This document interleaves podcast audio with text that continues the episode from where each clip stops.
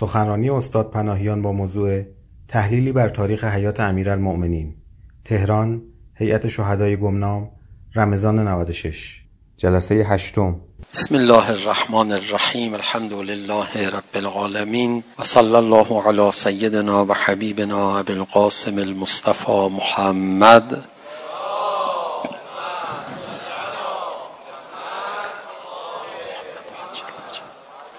وآله الطيبين الطاهرين المعصومين لا سيما بقية الله في الأراضين روحي وأرواح الغالمين له الفداء واللعن الدائم على أعدائهم أجمعين إلى قيام يوم الدين رب اشرح لي صدري ويسر لي أمري واحلل عقدة من لساني يفقه قولي شما در این مدت دینداری علالقاعده دریافت دقیقی از خداوند متعال پیدا کردید چه در تجربه معنوی شخصیتون چه در مطالعات و آگاهی هایی که از معارف دینی به دست آوردید؟ و چه وقتی که درباره خدا فکر میکنید که خدا چگونه خدایی است؟ چی رو به دست میاره انسان بعد از یه مدتی تأمل مطالعه یا دینداری؟ این که خداوند متعال رو نمیشه دور زد سرش رو نمیشه کلا گذاشت. خدا سطحی با چیزی برخورد نمیکنه. خوب نیست بگم خدا خیلی تیزه خیلی باهوشه ولی خدا خیلی بصیر و دقیقه. خدا اسرار قلب انسان رو هم که خود انسان ممکنه ازش بیخبر باشه خبر داره. این خدا رو نمی شود فریب داد. بعضی ها دوست دارن خدا رو فریب بدن ولی نمیشه خدا رو فریب داد. خدا میتونه همه عالم رو فریب بده. ولی او البته رحم داره به بندگان خودش. بله منافقین و افراد بیمایه و بدذات رو فریب میده. به هر حال خدا سرش کلاه نمیره. خدا دنبال چیه؟ دنبال یک کمال حقیقی یه قرب حقیقی یه خوب بودنی که به معنای واقعی کلمه تحقق پیدا کرده باشه. دنبال یک صفای باطن یک زمیر نورانی به معنای درست کلمه میگرده. خب درستش هم همینه. خدا نه دنبال جفسازیه نه دنبال جمعیت بازی طبیعتا خدا با دلها سر کار داره و با تمام قسمت های دل الا من اتى الله بقلب سلیم. من قلب سالم و فوق العاده سالم میخوام سلیم یعنی فوق العاده سالم من به عنوان خدای شما انسان هایی که خودم خلق کردم استعدادهایی در شما قرار دادم اون استعدادها باید شکوفا بشه زیاد انسان رشد نکنه برای خدا مهم نیست واقعا مهم نیست خدا جبران میکنه انسان خطا بکنه برای خدا مهم نیست خدا میبخشه چیزی که برای خدا اهمیت داره ازش نمیگذره مرضی است که انسان در گوشه قلب خودش نگه داره خدا این مرض رو بیرون میکشه در سر و باطن قلب خودش کسی یک مرضی رو پنهان کرده باشه خدا اونو از ته دلش بیرون میکشه رداع میکنه تنش میکنه. ان خیرا فخیر و ان شرن فشر.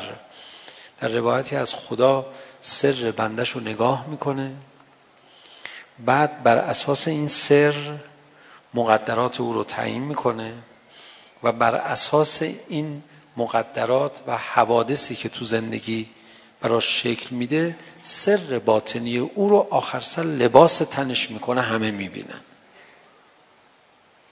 دیشب به نوعی به این بحث اشاره کردیم که خدا اجازه نمیده هر کسی جنایت بزرگ بکنه. مگر کسی که یک رزالت بزرگی رو از قدیم در دل خودش پنهان کرده باشه. توفیق کارهای بزرگ هم به کسی نمیده.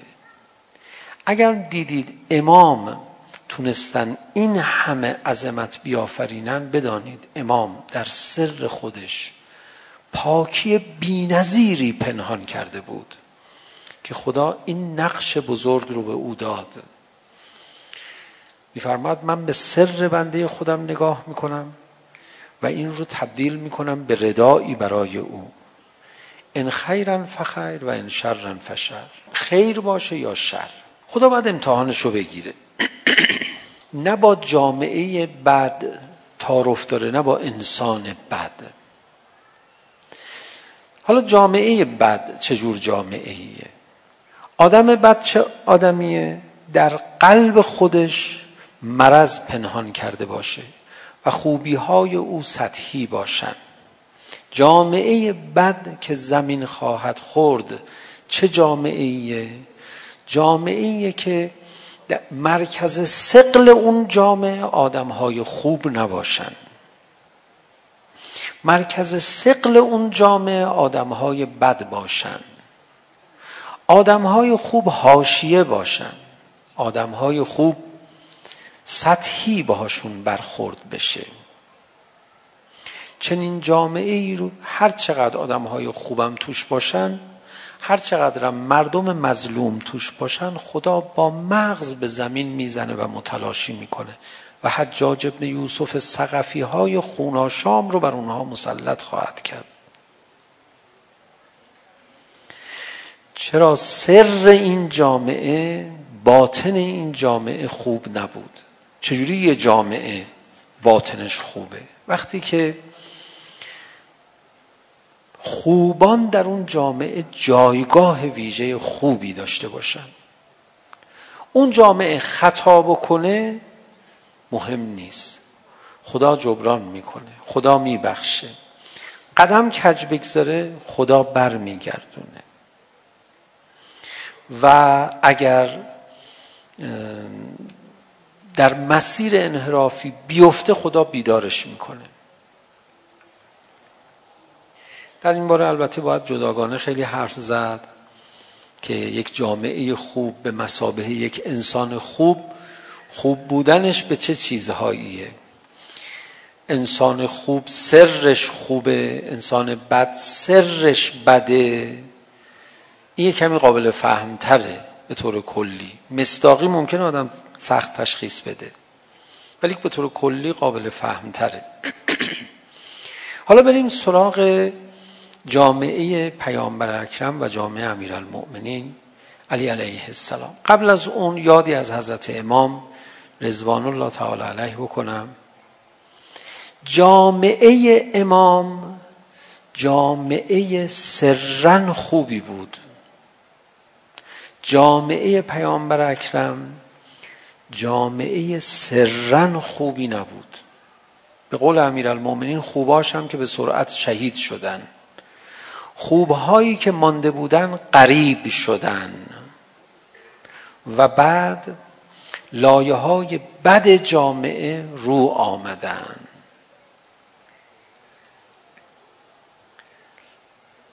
حالا من برای شما کلمات امیرالمومنین علی علیه السلام رو میخونم. خیلی زیباست. بنده فکر نکنم که شما بهتر از این کلمات امیرالمؤمنین تحلیلی در تاریخ حیات امیرالمؤمنین پیدا بکنید. یعنی اگر کسی پرسید بهترین کلمات امیرالمؤمنین در تحلیل زمان خودش که برای ما تاریخ است در تحلیل سیاسی اوضاع زمانه خودش رو برای ما معرفی کن. بنده قطعا این کلمات رو برای شما معرفی میکنم.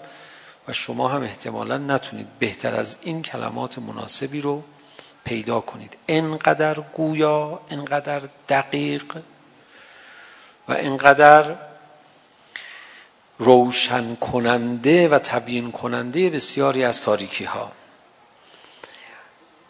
قبل از اینکه این کلمات رو در مورد امیر المؤمنین و حیات مبارک ایشون و به ویژه اون مقطع دوران رسول خدا رو برای شما بخونم دو تا نکته بگم یک اینو قبلا هم گفتم بنده برای مجلسی که تاریخ گوش میده خیلی احترام قائلم برای آدم هایی که به تاریخ اسلام احتمام میبرزن خیلی احترام قائلم خیلی بیشتر احترام قائلم تا اونهایی که دنبال اخلاق و معنویت فردی هستند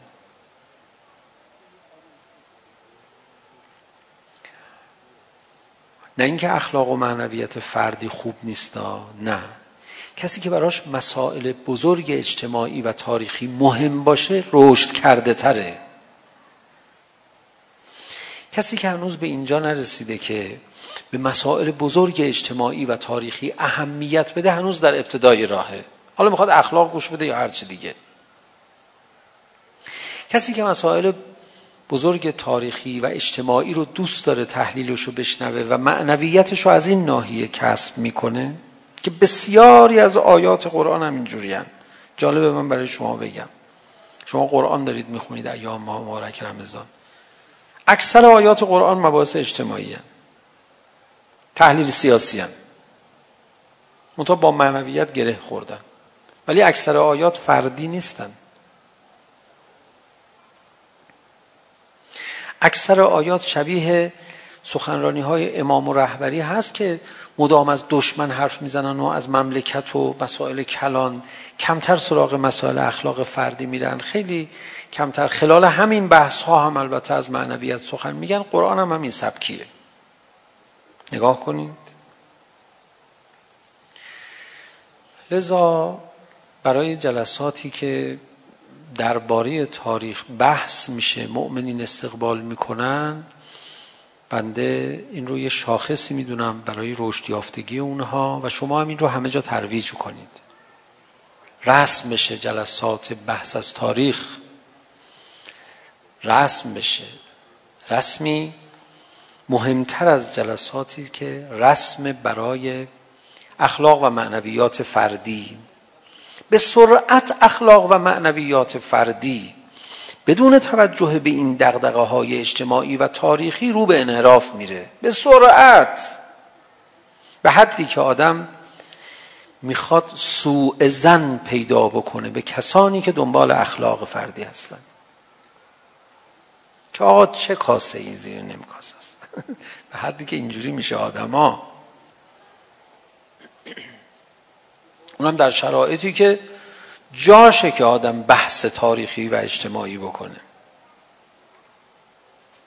این از چی داره فرار میکنه؟ این سر خدا رو چجوری میخواد کلا بذاره؟ این هم دیگه دکونی شده ها. میره سراغ معنویات فردی که از معنویت اجتماعی فاصله بگیره. این یه نکته که ابتداعا عرض بکنم و عرض کردم یه نکته دیگه در مورد حضرت امام عرض بکنم. بعد بریم به تاریخ اسلام و بیان امیرالمومنین مراجعه کنیم. جواب سوال اولمون رو بگیریم. سوال که نکردیم شرح موضوعی که اول بحث مطرح شد رو بگیم. اول بحث مطرح شد که یه جامعه اگه سرش یا یه آدمی اگه سرش خراب باشه خدا رو میاره. خدا رو میاره. آبرو اون جامعه رو میبره. جامعه پیامبر اکرم این گونه بود. دلیلش رو از سخنان امیرالمومنین میگم. جامعه حضرت امام وقتی انقلاب کرد اینجوری نبود.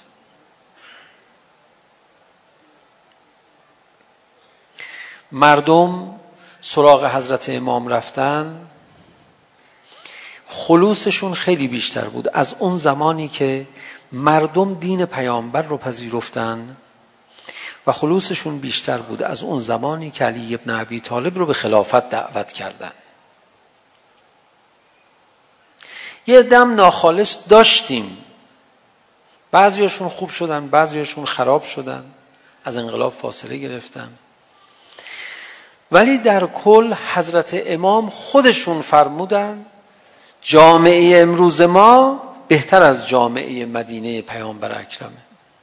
خود حضرت امام فرمودن. شاید چند بار. یک بارشو که قطعا یادمه. شاید دوبارم احتمال زیاد میدم. گفته باشن. لذا ما میبینید الان 37 سال دوام پیدا کردیم. ولی جامعه پیامبر اکرم چند سال دوام پیدا کرد خود شما میدونید. و چجوری مسیرش به کجا رسید؟ همه بهتر از من میدونید. روزه هایی که میخونید اصلا معناش همینه. روزه ها یعنی تأسف خوردن برای انحراف اون جامعه. جامعه ما سرش خوب بود. یه حرفی رو درباره انقلاب حضرت امام بزنم. اصل اصل انقلاب ما 15 خرداده. حضرت امام فرمود من این 15 خرداد رو تا ابد عزای عمومی اعلام میکنم. شهدای 15 خرداد رو یه جور متفاوتی احترام گذاشت. اجازه میدید من درباره شهدای 15 خرداد یه توضیحی بدم محضر شریف شما. ممکنه به این سادگی این توضیح رو جای دیگه نشنوید. قبول نکنید از بنده. بررسی کنید ببینید حرف درستی هست یا نه.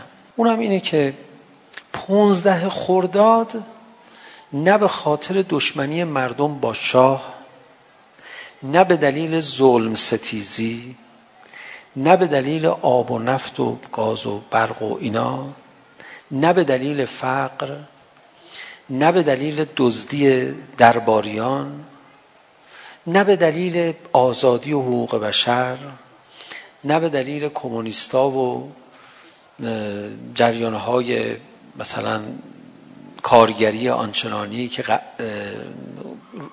مثلا شوروی را انداخته بود به هیچ کدوم از اینا نبود. برای چی را افتاد؟ برای اینکه گفتن امام مرجع تقلید ماست احترام داره شاه غلط کرده اونو دستگیر کرده. یا مرگ یا خمینی. یا مرگ یا خمینی این شعار 15 خرداد بود. و قتل عام شدن قیام کرد برای ولی خدا برای دوست خدا. در حد خودش حضرت امام رو دوست خدا میدونستن دیگه. این قیام خیلی مخلصانه تر از اون قیام بود که مردم در خانه امیرالمومنین اومدن که آقا بیا خلافت کن. اونا از دست مروان به سطوح آمده بودن. ما شهدای دیگری هم در طول انقلاب دادیم. اما امام میفرماد 15 خرداد انقلاب ما خیلی مخلصانه شروع شد. بعضیا میگن که زمان شاه زیادم بد نبود. ما اصلا چرا انقلاب کردیم؟ بی خود کردیم انقلاب کردیم. البته اینا به هیچ وجه خبر ندارن از بدیهای زمان شاه. ولی واقعش اینه که بسیاری از انقلابیون که قیام کردن بیشتر از تنفر از شاه. مسئله جدی که براشون مطرح بود این بود یک حکومتی باشه بالا سرش کسی مثل حضرت امام باشه. حالا که امام هست چرا ما زیر بیرق و سینه نزنیم؟ و این بر خلوص انقلاب ما می افزود هیچ کس باور نمی‌کرد یه همچین قیامی صورت بگیره. امام باور می‌کرد که داره میگیره و گرفت. 24 مرتبه در دو سال اول درباره این که من نصرت درباره این مطلب امام سخنرانی کردن که فرمودن فرمودن که من فهمیدم این انقلاب پیروز خواهد شد و نصرت الهی باهاشه 24 مرتبه طی دو سال. یعنی ماهی یک بار این سخنرانی رو تکرار میکردن دو سال اول انقلاب. میفرمودن من دیدم تو اون روستا همون حرفی رو میزنن که تو شهرهای بزرگ خدا دلها رو یه دفعه بیدار کرده. خدا دلها رو متوجه کرده. این خط رو دقیقا مقام معظم رهبری ادامه دادن. خط اعتماد به دلهای نورانی مردم که در نهایت رفتار درستی خواهد داشت. دلهایی که سر جامعه است. دلهایی که به خوبانش احترام میگذاره. دیدید هر بار حضرت امام از مردم و خوبی های مردم که یاد میکنن میفرمان مردم به شهدا احترام میگذارن.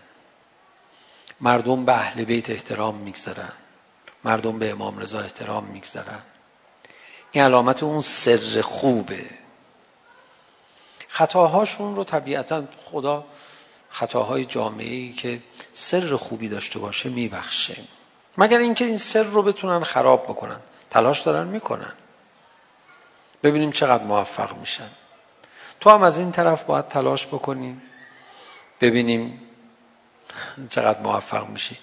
من خودم خیلی آدم خوشبینیم. به همه آدم بدا خوشبینم خدا شاهده. آدم بدا نه به معنای دشمنان اسلام و مسلمین نه به معنای صهیونیستا نه به معنای استکبار جهانی نه به معنای ضد انقلابای تروریست. آقای ضد انقلاب تروریست داریم که میگه آخ جون که اینا شهید بهشتی رو تیکه تیکه کردن.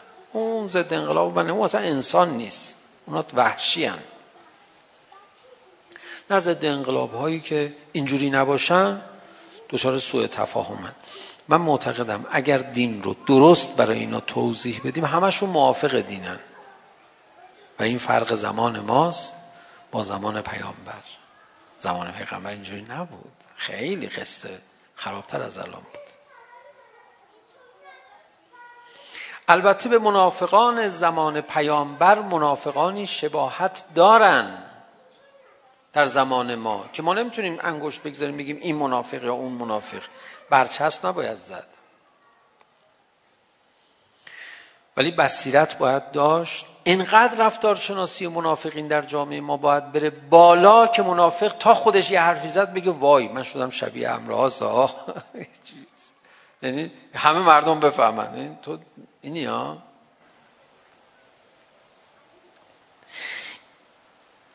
این بحثی که من برای شما دارم عرض میکنم بحث هایی است که در مقطع دبیرستان باید به بچه های ما یاد بدن حالا نمیگم تو کتاب های درسی اصلا این بحث رو اینجوری انتظار ندارم ولی حداقل طرح صالحین بسیج باید این کار رو انجام بده. اگر برنامه‌ای برای آموزش معارف دینی طراحی میشه چند میلیون نوجوان آموزش ببینن این هر سال باید تجدید نظر بشه.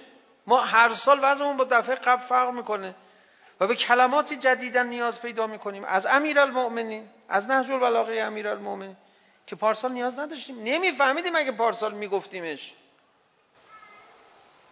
به روز باید باشیم.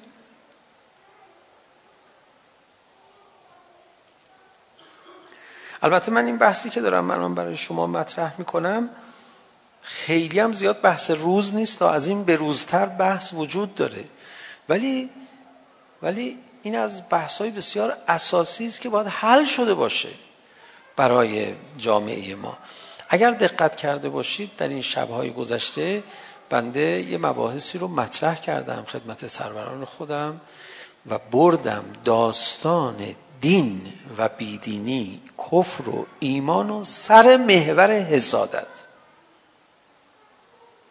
به خدا قسم بنده یک موضوع سخنرانی انتخاب نکردم به خدا قسم حسادت یکی از صفات بد نیست به خدا قسم صفت بد دیگری هم ارز حسادت نیست به خدا قسم من و شما تکلیفی اساسی تر از رفع حسادت از دلمون نداریم به خدا قسم مهمترین عامل تمام تحول سیاسی اجتماعی در جامعه بشری حسادته تحلیل سیاسی کنندگانی که از حسادت خبر ندارن نادانانه میخوان و سطحی نگری این کنند و تحلیل میکنن.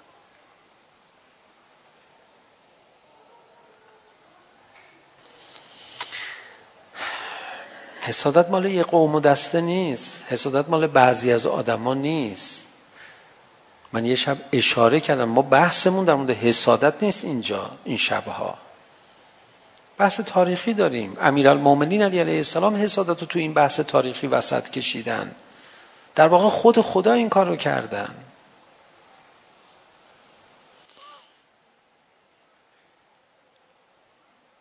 صد هزار مرتبه دیگه آدم بره سراغ تاریخ باز محورش باید بحث حسادت باشه خبر دیگه این نیست آخه. عامل دیگه این نیست برای درگیری. حسادت رو باید عمیق بهش نگاه کنیم. ما تا حسادت رو نشناسیم آقا و مولامون نمیاد چون به سطح مطلوب از بصیرت نرسیدیم. مگه ما نباید نفاق رو بشناسیم؟ حسادت رو بشناسی یه قدم در نفاق رفتی جلو در شناختن نفاق رفتی جلو. و شما کنش های یک حسود و واکنش های یک حسود رو در موقعیت های مختلف بشناسی نفاق رو شناختی نفاق رو همه مردم بشناسن نفاق میره تو لاک خودش صدمه دیگه نمیزنه ابراز وجود نمیکنه میگه من بگم الان لو میرم میگن چته مثل که حالت خوب نیست داره حسودیت میاد ولی الان اینقدر فقر معلومات درباره حسادت هست. الان به هر کی بگی نقش حسادت در فضای سیاسی جامعه میگه چه ربطی داره؟ یک کلام از امیرالمومنین براتون بخونم.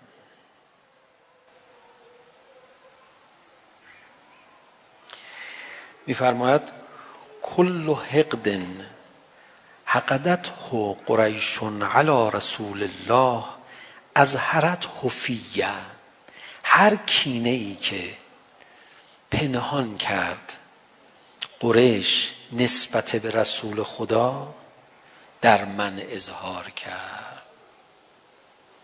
چه کینه ای اینا از رسول خدا به دل داشتن؟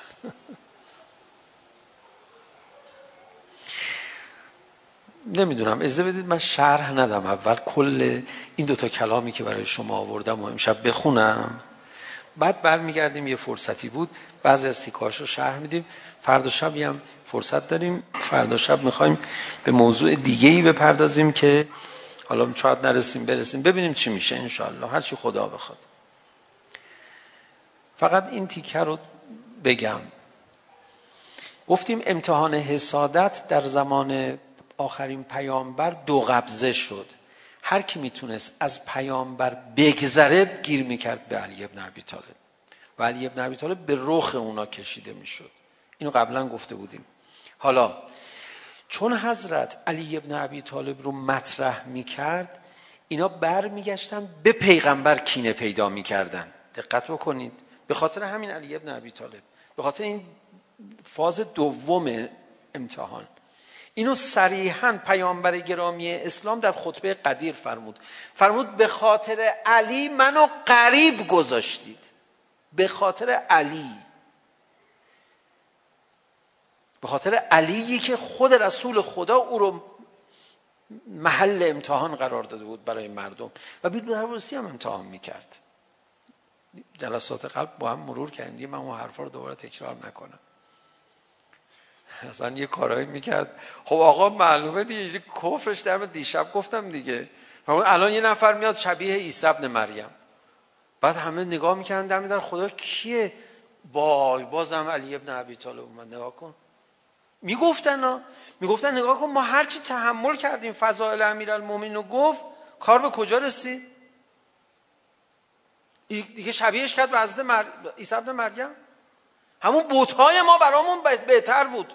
اینجوری دیدید دیگه دیشب براتون خوندم و گفتم که انگار یه مشاوری پیغمبر لازم داشت که به پیغمبر اشاره بکنن آقا یا رسول الله اینجور رفتار بکنید افکار عمومی با شما زد میشه شما بهتره برای جلب افکار عمومی جمع کردن رأی برای اینجور که شما داری میگی آقا بعدش بعد از شما میان در خونش آتیش میزنن این چه طرز رأی جمع کردن برای ایشونه کسی بره مشاوره بده به پیغمبر یا بحث دیشب بود دیگه خب تصمیم دارم که توضیح ندم امشب یه بحث دیگه ای رو داریم باز میکنیم وقتی حسادت شکل بگیره نتونن به اصلی بزنن به فرعی میزنن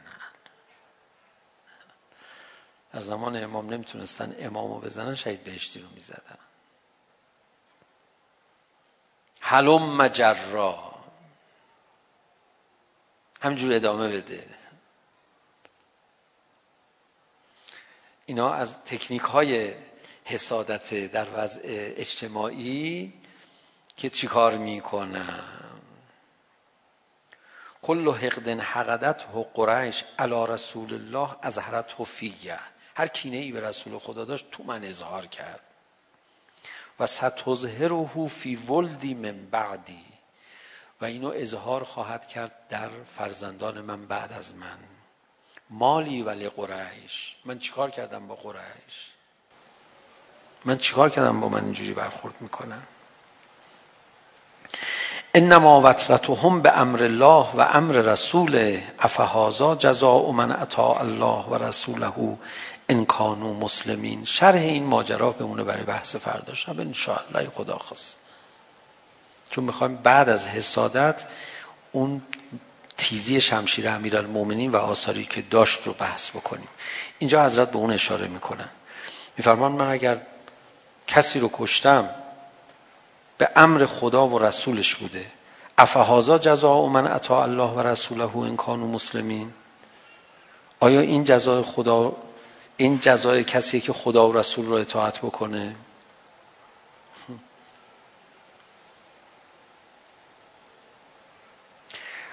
حضرت علی علیه السلام میفرمود انا میفرمود انا آیت الله الکبرا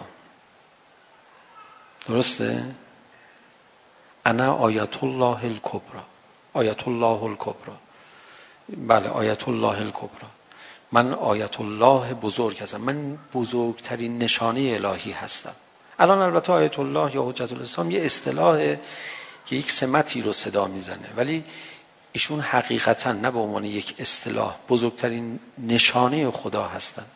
خب راست میگن از اون بدو تولدشون تو خانه کعبه تا این همه فضائل. یه نفر یه سوالی کرد از امیرالمومنین این متن از اون متناییه که آدم یه شب تا صبح میتونه زیر آسمان ستاره ها رو نگاه کنه حرکت ماه و ستاره رو ببینه و هیچی نگه. و غرق بشه در علی ابن عبی طالب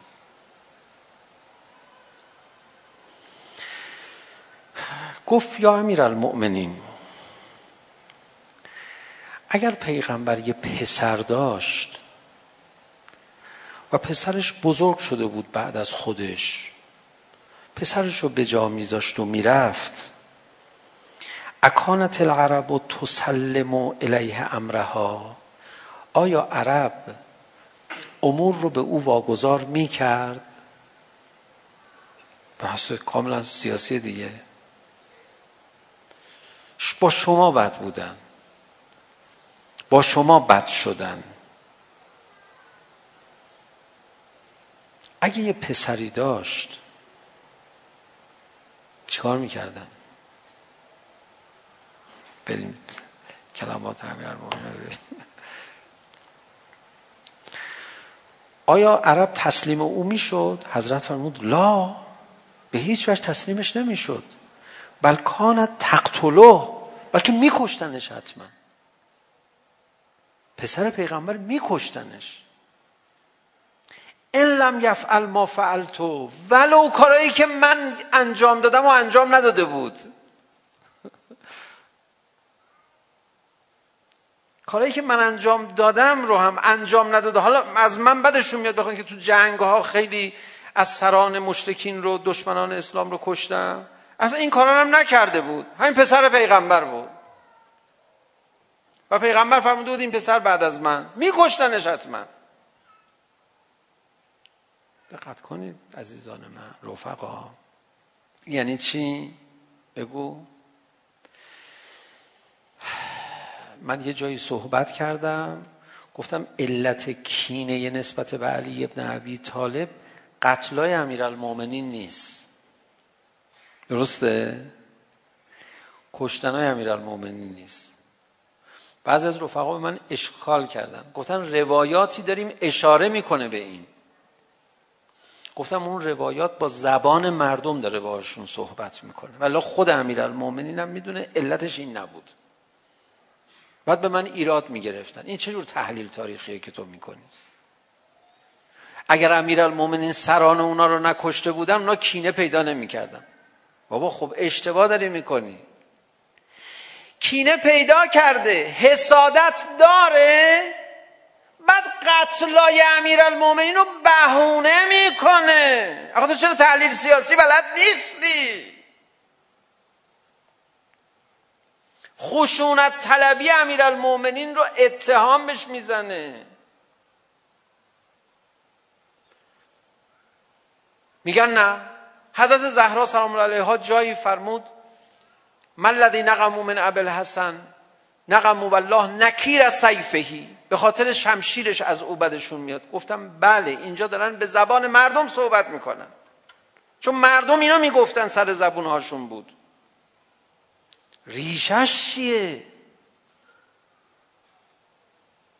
سطحی نباید ما نگاه بکنیم جمع بکنیم بین چند تا روایت اینجا ببین خود حضرت داره میگه اگه یه پسری گذاشته بود پیامبر اکرم آقا این پسر جانشین من باشه و بعد فرموده بود چی آقا این پسر یه دونه هم آدم نکشته اینا خودشون فرمود ان لم یفعل ما فعلتو اگه کارایی که منم کردم نکرده بود میکشتنش چرا چون پسر پیغمبره اینجا یه روزم حضرت خونده ها یه روزه بگو من آدم کشته بودم فاطمه که کسی رو نکشته بود دختر پیغمبر بود پسر که نبود تازه باید محبوب تر هم باشه دیگه ایشون چه کشتن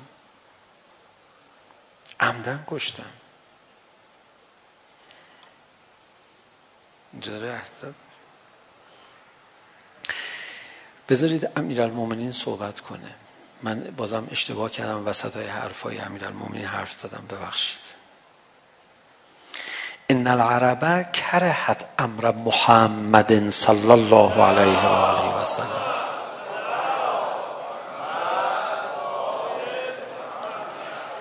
اگر ترجمه این روایت رو بدونیم الان من ترجمهش رو میخونم. بعد برای دشمنی کردن با اونهایی که این روایت در مورد اونهاست خیلی بهتر سلوات میفرستادی. بذار برات بخونم. میفرماد عرب بعدش می اومد اساسا از محمد صلی الله علیه و آله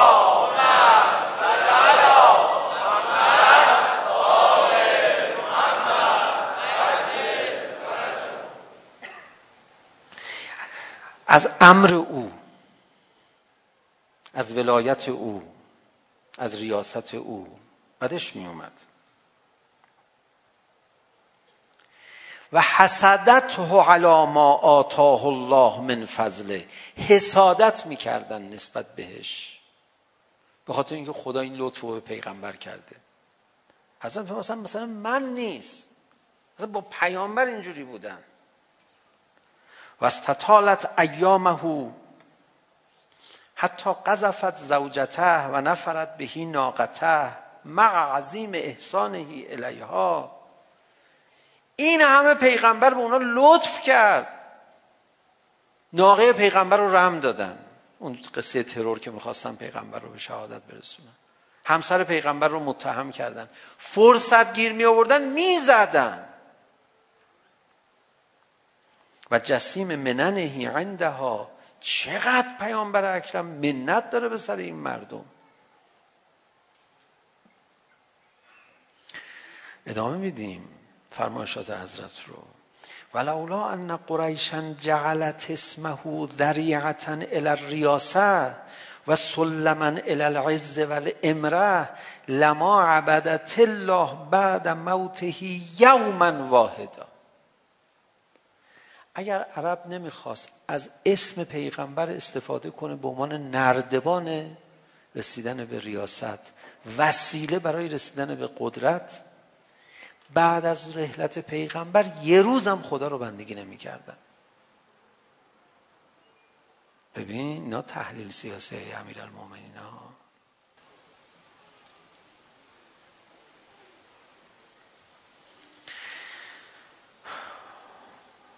بعد عباراتی رو مطرح میفرمایند درباره اونها. بعد میفرماد که خب دیدن با این اسم خیلی نون گیرشون میاد. رفتن فتح کردن کشورها رو گرفتن.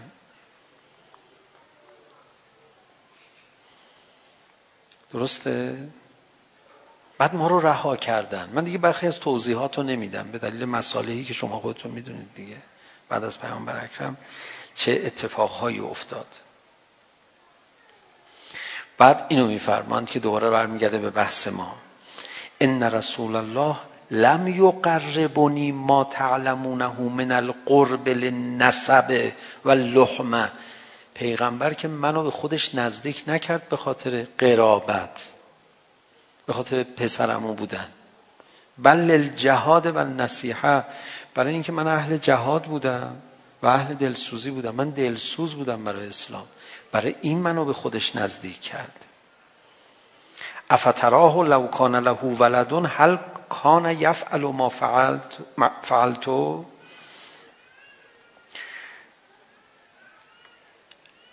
اگر و لم یکن یقرب ما قربتو؟ اگه فرزندی هم داشت هر کاری من میکردم به همین اندازه من به پیغمبر نزدیک میشد. اون وقت قریش با او چه میکرد قریش با همین برخوردی که با من کرد با او میکرد و دیگه ادامه میدن فرمایشات رو که وقت خیلی گذشت رفقا یه چیزی هست یه چیزی به نام حسادت وقتی اون حسادت بود نسبت به خوبان آدم ها نمیشناسن ولی یکی از آثارش اینه هر شایعه ای رو علیه خوبا قبول میکنن. هر شکستی رو برای آدم آدم خوبا خوشحالشون میکنن. هر پیروزی برای آدم خوبا ناراحتشون میکنه. عیب جویانه با خوبا مواجه میشن. آیه قرآن براتون خوندم. سه چهار شب پیش که خدا فرمود حسادت میکنن کفار به مؤمنین به دین شما حسادت میکنن. کسی دین نداشته باشه به صورت عمیق به دین تو حسادت میکنه. کسی به دین تو حسادت نکرد گناهکارم بود آدم خوبیه. بگیر بیارش این بر بگو دچار سوء تفاهم شدی.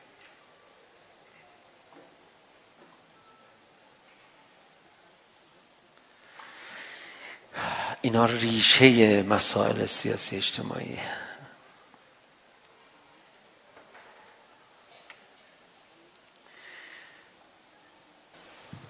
مردم ما وقتی شهید میارن خیلی تقدیر میکنن این یه علامت خیلی خوبه مردم ما آقا رو خیلی دوست دارن مردم ما امام رو خیلی دوست دارن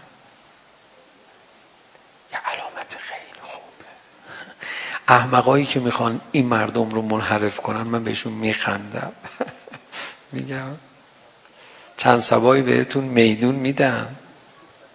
گول نخورید. بریم در خونه ابا عبدالله الحسین علیه السلام. یا امشب بریم در خونه حضرت زهرا سلام الله علیها اگه اجازه بدید هدیه‌ای به محضر حضرت امام بفرستیم با روزه حضرت زهرا. حضرت علی علیه السلام فرمود اگر پسری داشت پیغمبر قطعا میکشتنش. بخاطر اینکه یه کینه ناشناخته تو دلشون برای پیغمبر بود. ببینید وقتی توی مدینه صدا زدن یک کسی میخواد رئیس بشه دیگه هیچکی آره یا نه نگفت. همه سکوت کردن بشه. خوشحال بودن. علی نشه. اینو به صورت نامرئی همه به هم تلگرام کردن بلوتوس کردن امواج فرستادن.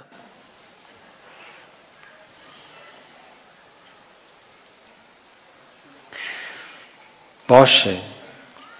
حضرت زهرا سلام الله علیها اومدن بین در و دیوار این قاعده رو به هم بزنن. به هم خورد. تنها چیزی که به هم خورد در بود که به پهلوی فاطمه زهرا اصابت کرد.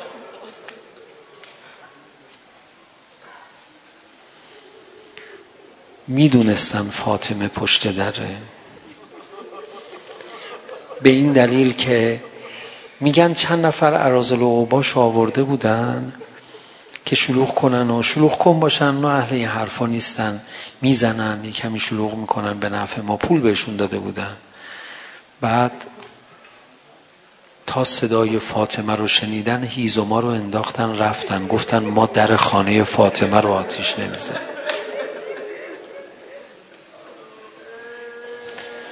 چقدر خوب میشد؟ اونا هم هیزوما رو میذاشتن. میگفتن یا فاطمه این دفعه به خاطر تو علی رو بخشیدیم. میرفتن. منتشون هم گذاشته بودن دیگه. به خدا باور کن خیلی به نفعشون بود.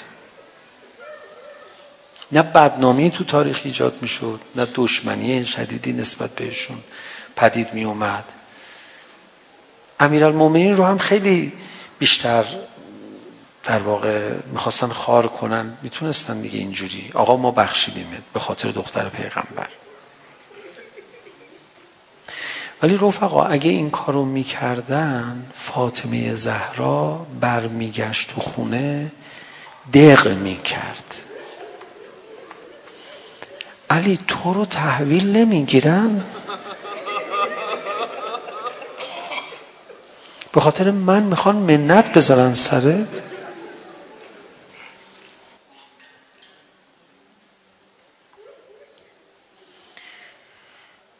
ولی این حسادت به نظر من یه دفعه شعله کشید. تشدید شد. یکی از دلایل حسادت این بود که پاره جگر پیغمبر تو خونه علیه و او داماد پیغمبره. یکی از دلایل حسادت این بود. فاطمه دور علی میگشت میگفت روحی لروح کلفدا. جان من فدای تو باد.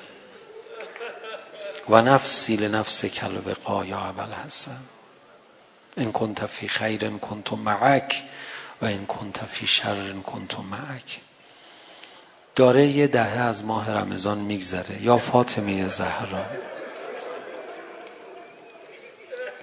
به حق اون قلب نورانی قشنگی که فدایی علی بود هزاران میلیاردها فرسنگ از حسادت دور بود ته دل ما رو نگاه کن مادر. اگه یه ذره خرابی داره درستش کن ماه رمضان ازت تمنا میکنم.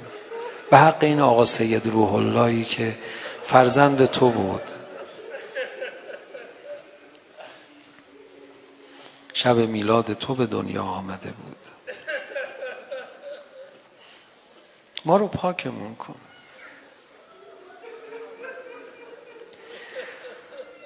زحمتی هم میدونم نمیخوای به ما بدیم. شما اما چیزی نمیخوای.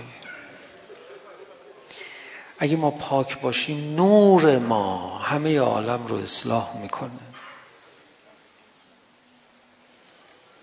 اینقدر غربال میکنن اونایی که اهل حسادتن بریزن تموم بشن برن. تو رو خدا مادر یه کاری کنه امام زمان به ما نگاه کنه بگه به به چقدر اینا خوش عطرن. چقدر اینا با صفا اینا همونایی که من میخوام اینا میمونن ها اینا برا من میمونن.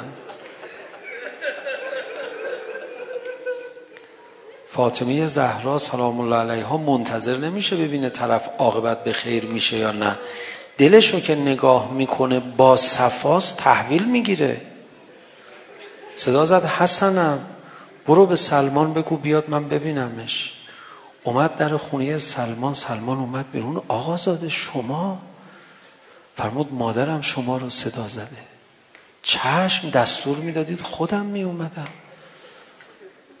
سر از پا نشناخته پیرمرد دوان دوان اومد گوشه اتاق خانه فاطمه نشد السلام علیک یا بنت رسول الله امرتون. مادر یه بارم ما رو صدا بزن.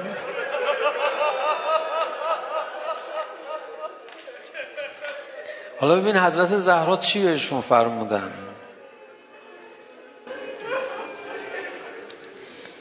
ببینید امام یه دلی داشت نسبت به حضرت زهرا یه قصه از امام براتون تعریف کنم یه بار سخنرانی میکرد میفرمود تمام حوادث آینده رو خدا با جبرئیل امین خبر داد به حضرت زهرا و کاتب این وحی امیر المؤمنین بود یک روایت حضرت امام این روایت رو نقل میکرد. بعد ببین دل امامو. بعد امام بعد از این فرمود شاید قصه انقلاب ما هم گفته باشن به مادر مادرمون فاطمه زهرا. اصلا دل نداشت حضرت امام برای مادر. همه این روزه رو هدیه کنیم. خانم امرتون من در خدمتم. میدونید فاطمه زهرا بعدش چی فرمود؟ سلمان پرواز کرد تا به عرش رفت. توقع ما رو زیاد کرد حضرت زهرا. صدا زد سلمان رسول خدا از دنیا رفته. دل ما گرفته. تو هم جفا میکنی به ما سر نمیزنی.